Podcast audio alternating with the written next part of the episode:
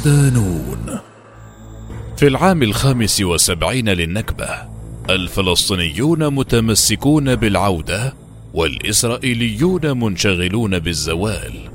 مقال لسامي عبد الرحمن. ضمن ملف النكبة خمسة وسبعون عاما. مع انتصاف العقد الثامن للنكبة الفلسطينية تبدو المعطيات القائمة في المشهد الفلسطيني أكثر تطورا باتجاه حضور مصطلح العودة والحرية من أي وقت مضى. وسط حالة التراجع التي يشهدها مجتمع المستوطنين الإسرائيليين على كافة الصعد داخليا وخارجيا.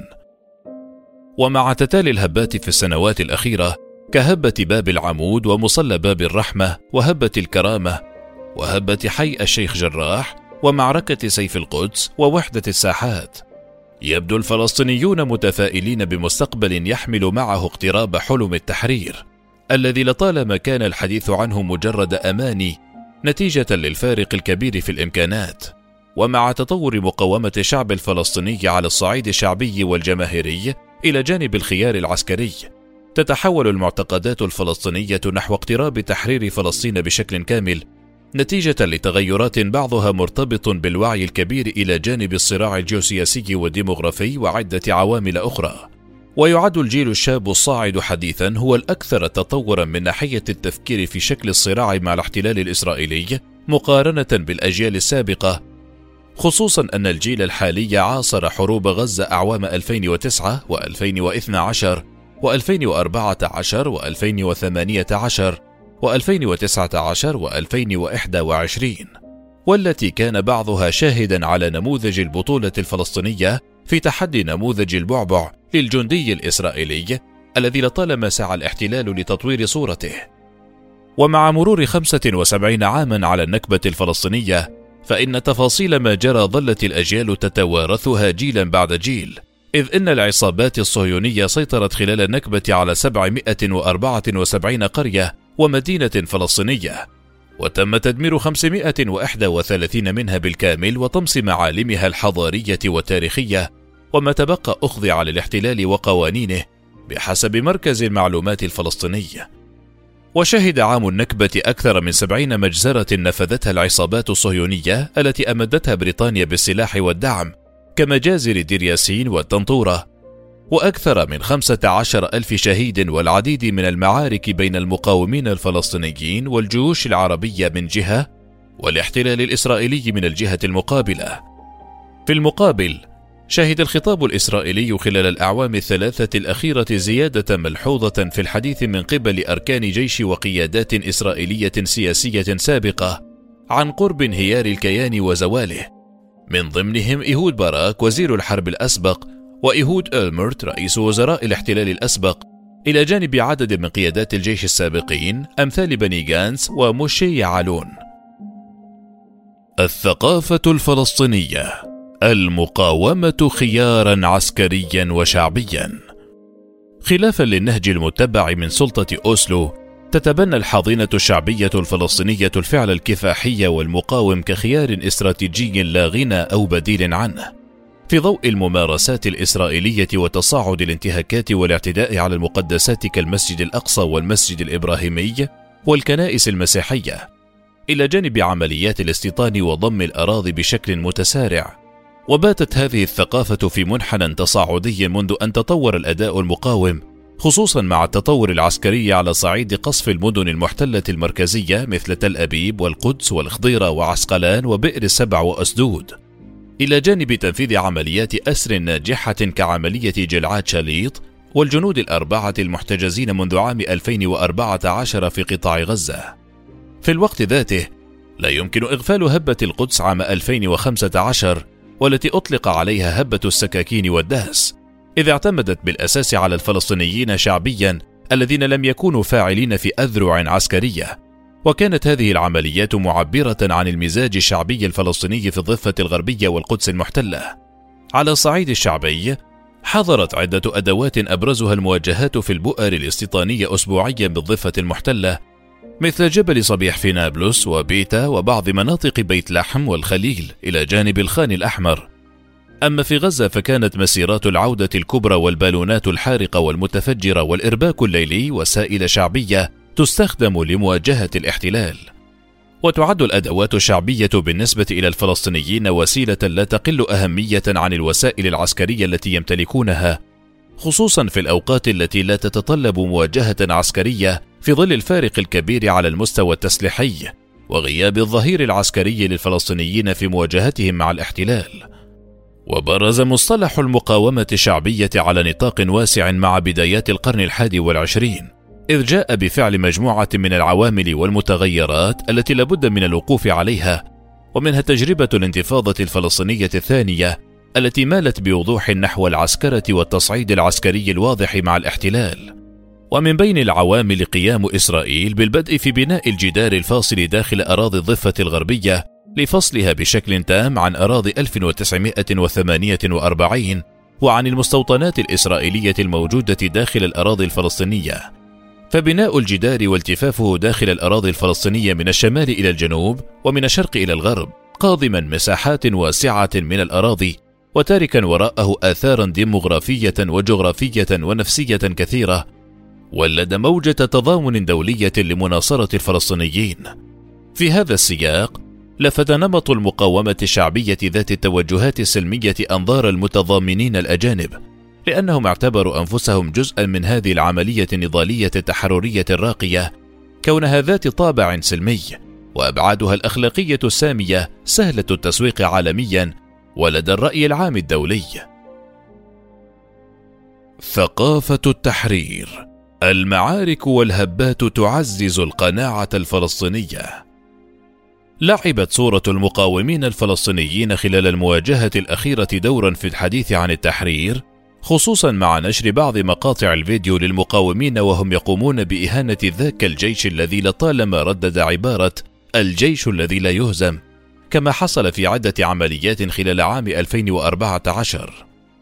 وأسهمت هذه الصور في تعزيز الروح المعنوية للفلسطينيين والحديث عن حلم النصر والتحرير، مقابل تحطيم الروح المعنوية للجنود الإسرائيليين والإحساس بالإهانة أمام التفوق العسكري للمقاومين الفلسطينيين ميدانيا وعند المواجهة البرية.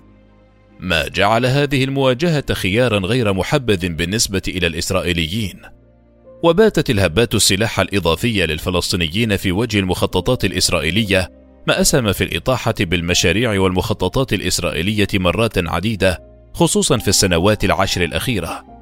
وإن كانت الهبات الفلسطينية قد بدأت في ثلاثينيات القرن الماضي مع الثورة الكبرى وثورة عز الدين القسام وثورة البراق وثورة النفق عام 1996 مرورا بهبة باب الرحمة وهبة العمود وهبة الكرامة في الداخل المحتل.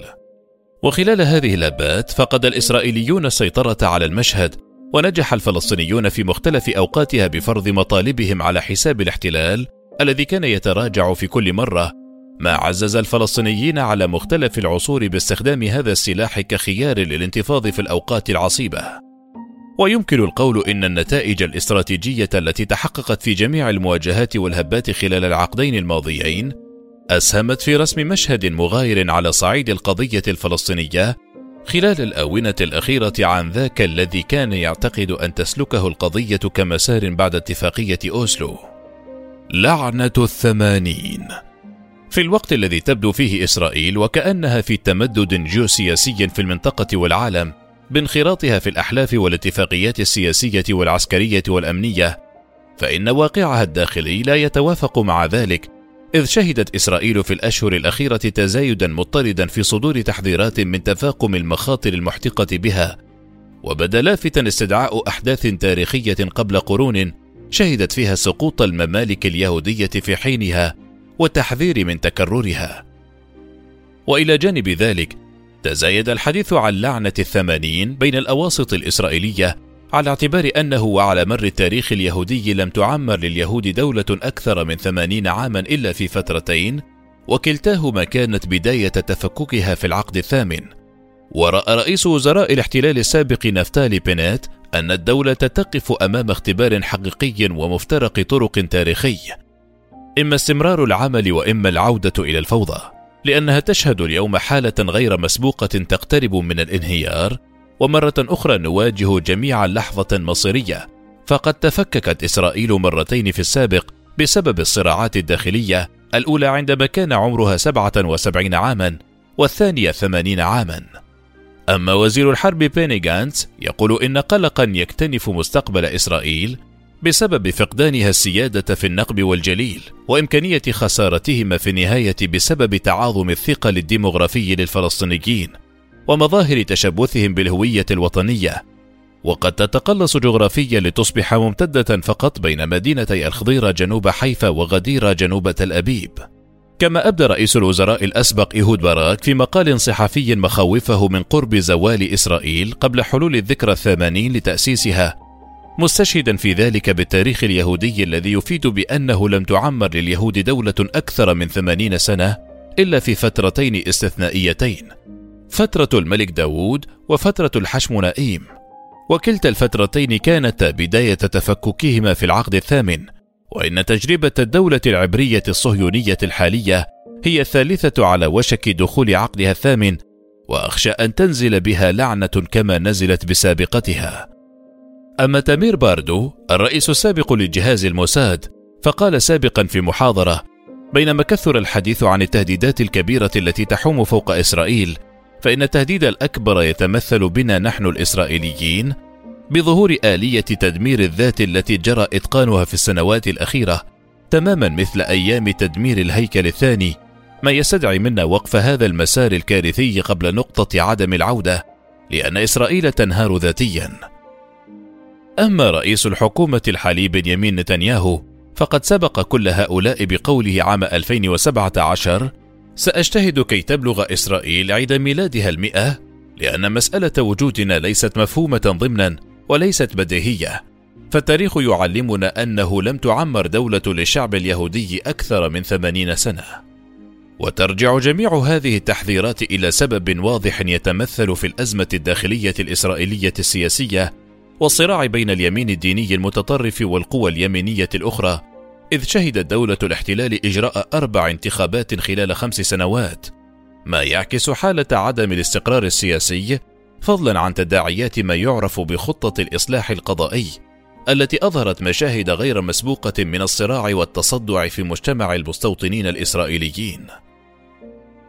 بين ثقافتين التحرير فلسطينيا والزوال إسرائيليا. أمام المشهد الحالي إن الواقع منحصر أمام التحرير فلسطينيا والحديث عن الانحسار الإسرائيلي. في الوقت الذي يتزايد فيه حديث قادة مجتمع المستوطنين عن الزوال ولعنة الانهيار في ظل حالة التشظي والانهيار الشامل بفعل الأزمات السياسية الداخلية وحالة التراجع. ويمكن القول إن ما يحصل يمكن أن يؤسس لمشهد جديد خلال السنوات المقبلة بشكل يحقق المزيد من الانتصارات للفلسطينيين على حساب الإسرائيليين، وتراجعهم استراتيجيا في ظل الأزمات الداخلية والخارجية التي تعصف بالاحتلال الإسرائيلي. ورغم مرور 75 عاما على النكبة، فإن العبارة التي لطالما رددها قادة الاحتلال المؤسسين لهذا الكيان الكبار يموتون والصغار ينسون لم تعد واقعا لا سيما مع تصاعد حديث الإسرائيليين عن انهيار كيانهم المزعوم لأسباب داخلية بنيوية وأسباب خارجية متعلقة بالمقاومة.